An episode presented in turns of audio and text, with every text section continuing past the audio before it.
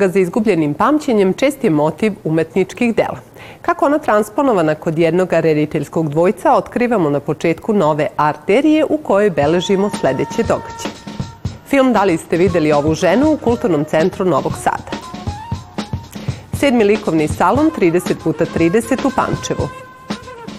Izložba Horos Srba svetitelja u Svilari.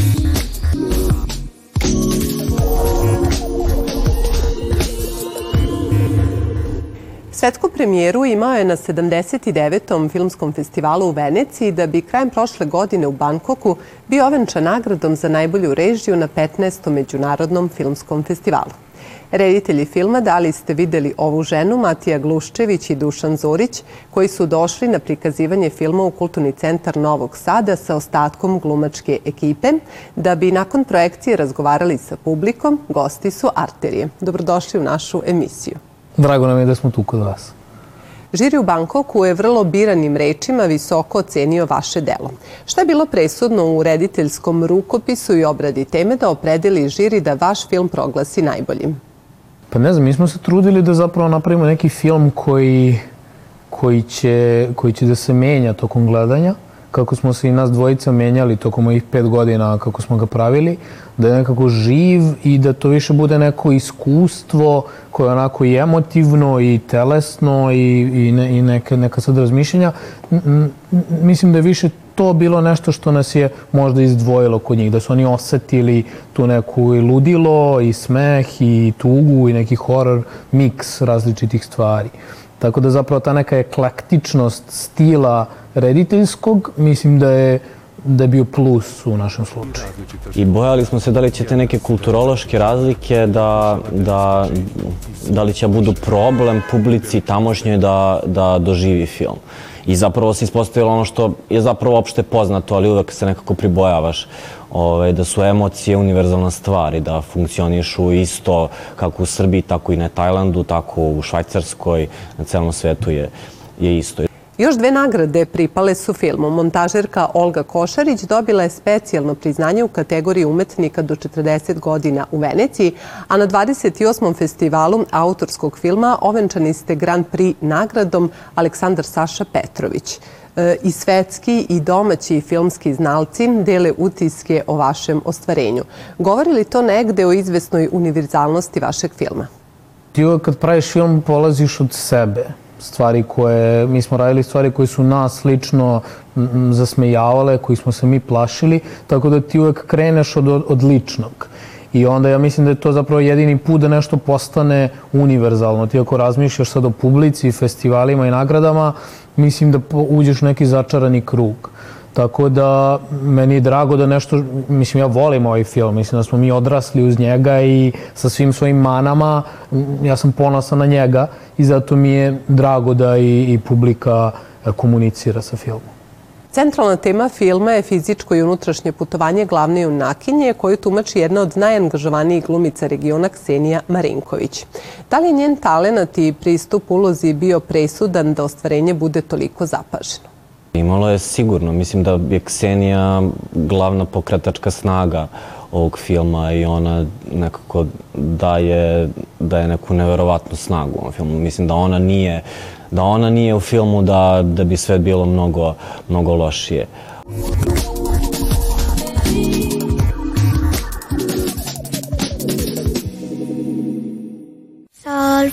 Od kada pamte, porodica Sole je svako leto provodila berući breskve u malom katalonskom selu Alkarasu. Suočeni sa prisiljenim iseljavanjem shvataju da bi im ovogodišnji rod mogao biti poslednji.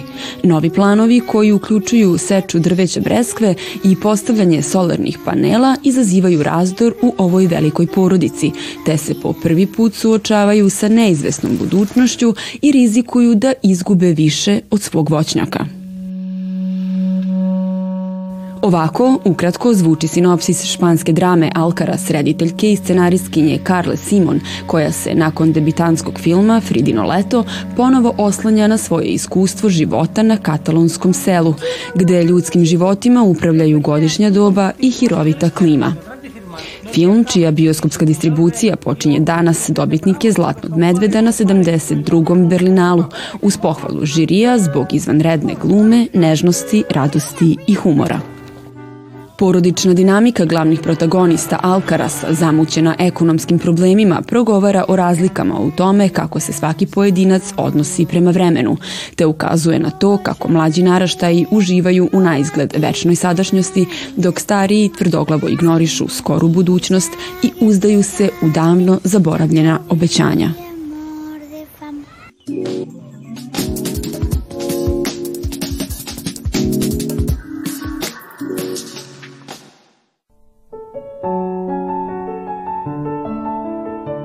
Za sve one koji nisu bili u prilici da posete hram Svetog Save na Vračaru, ali i za one koji jesu, izložba Horos Srba svetitelja u Novosadskoj svilari spustila na zemlju remek delo savremenog ikonopisa posredstvom reprodukcija i majstorskih fotografija. Taj Horos e, kao praktična stvar, luster, osvetljava crkvu, a s druge strane u simboličnom smislu tu su srpska svetila, sabor Srba svetitelja, e, koji je koji sam eto imao tu čast i zadovoljstvo da zajedno sa Jelanom Hinić osmislim, e, te se e, tu nalaze 22 odabrana e, pripadnika jeli, tog Srpskog sabora svetitelja. Na unutrašnjem prstenu su crkvena lica, na zlatnoj pozadini oko Bogorodice s mladencem, na spoljašnjoj su srpski, istaknuti srpski vladari iz različitih dinastija na plavoj pozadini. Dakle, imamo i duhovno i svetovno u nekom smislu, a sve sveto. Upravo sinoć otvorenom izložbom, zahvaljujući izboru majstora i konopisca Jelene Hinić i majstora posvećenika fotografije Radeta Kovača, vernicima i svim poklonicima pravoslavne umetnosti približilo se ono što u visinama pod kupolom Svetog Save inače mogu da vide samo sa velike razdaljine.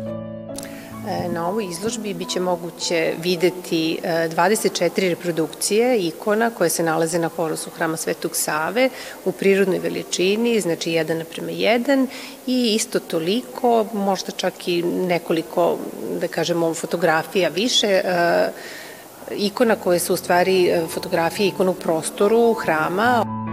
Tradicionalno ikone nisu bile na ovaj način izlagane, već uvek odmah posle izrade i blagoslova postavljane na mesta koja su im bila namenjena. Danas postoji opravdanje i razlog da se ikone i na ovaj način približe publici.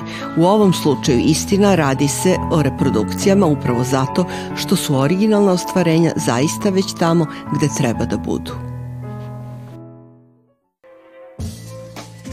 Na likovnom salonu 30 puta 30 izloženi su radovi 183 umetnika. Pored slobodnih rešenja, autori su imali priliku da kritički promišljaju i u svojim radovima odgovore i na zadatu temu.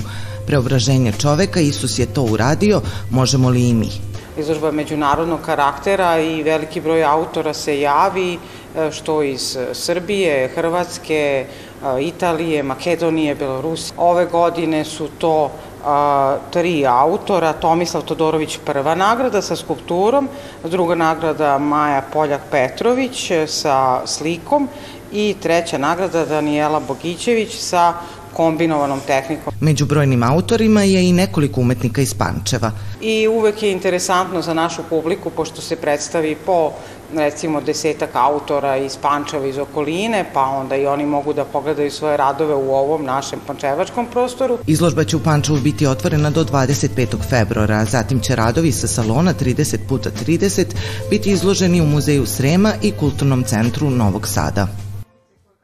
Mladi umetnik Aleksandar Smederevac predstavio se novosadskoj publici prvom samostalnom izložbom Eleusa i njena pratilja, otvorenoj u kulturnoj stanici Svilara. U pitanju je postavka inspirisana jednim od naših značajnijih, ali nedovoljno proučavanih zografa Radula. Eleusa zapravo referiše na tip e, ikone, to je tip bogorodice, predstavljene na tradicionalnom živopisu. Eleusa zapravo predstavlja bogorodicu kako je prislonjena obrazom o Hristov, Hristov obraz. Uh, ikonografski ona za mene nije toliko ništa e, značila, koliko je samo taj stil uh, same ikone Zografa Radola bio dosta zanimljiv. Izložbu obuhvataju radovi u nekoliko različitih medija, kao što su crteži, grafike i digitalna štampa.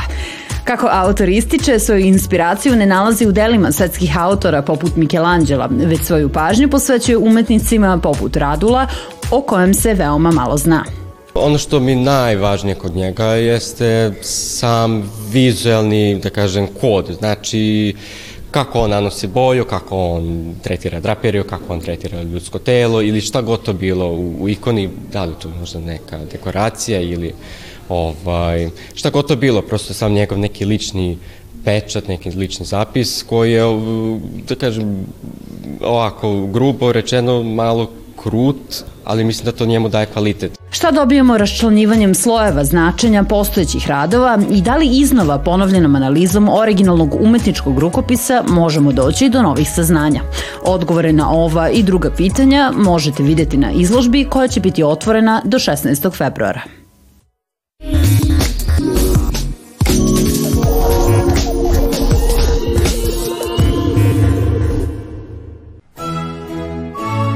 Riks muzej u Amsterdamu uveliko je u pripremama za spektakularnu izložbu posvećenu stvaralaštvu velikog holandskog majstora Johannesa Vermera.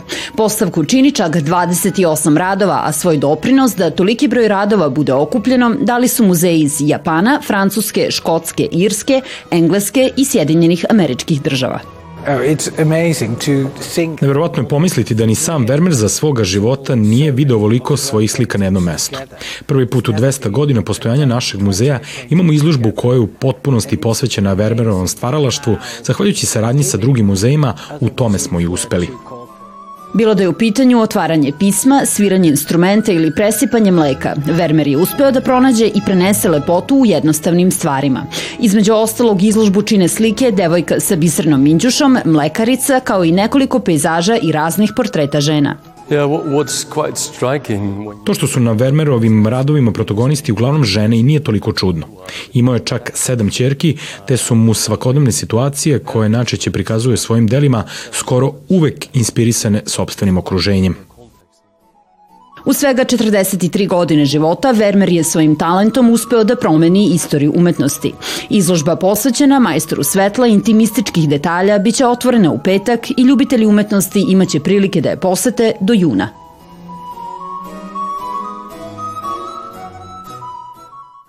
Šestnaest godina nakon premijere obnovljena je Kneginja Čardaša, a tenor Goran Strgar ponovo se našao u ulozi Bonija koja ga je probila u svet opere. O najzahtevnijim rolama i najsmešnijim dešavanjima pre i nakon predstava govorio je za emisiju Ton po ton koju možete pogledati večeras od 23.45 na našem prvom programu.